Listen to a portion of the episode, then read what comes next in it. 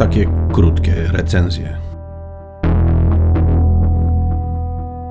Wszystko wskazuje na to, że kolekcja Carrefoura Wielkie Pojedynki Marvela była sukcesem, ponieważ Carrefour wystartował z drugą kolekcją Ciemna Strona Marvela. No i zaczęli takim, rzekłbym, pewniakiem, bo Venomem, a konkretnie tom nazywa się Venom przed sądem, chociaż zawiera trzy historie.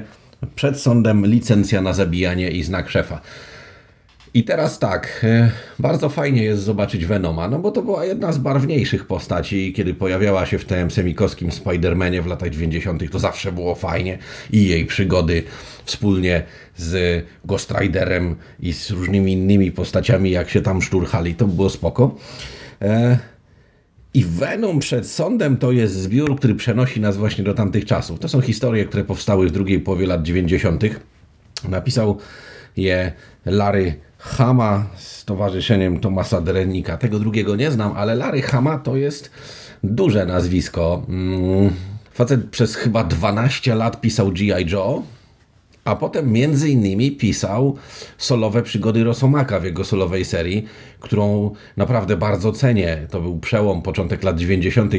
E, tutaj w Venomie brak mu trochę może tego pazura, który pokazał w Rosomaku, kiedy tam gdzieś przepychał go przez tryby świata. I ten jego Venom jest taki bardzo warsztatowy, ziemieślniczy.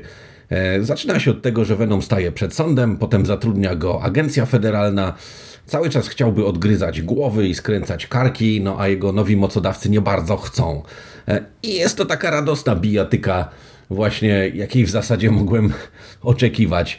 E, pojawia się Daredevil, który broni Venoma, oczywiście nie jako Daredevil, tylko jako Matt Murdock.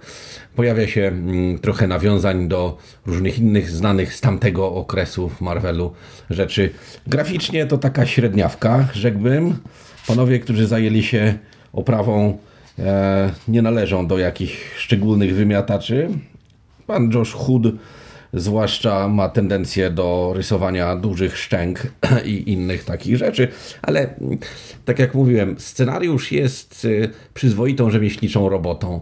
Oprawa graficzna to jest klasa B, tak zwani pierwsi z drugiego szeregu. Nie bolą, nie przeszkadzają, nie zostaną na dłużej w pamięci. Natomiast bądźmy szczerzy, w takiej cenie, w jakiej e, Carrefour sprzedaje prawie 200-stronicowe komiksy, no to po prostu głupio byłoby nie wziąć, nie?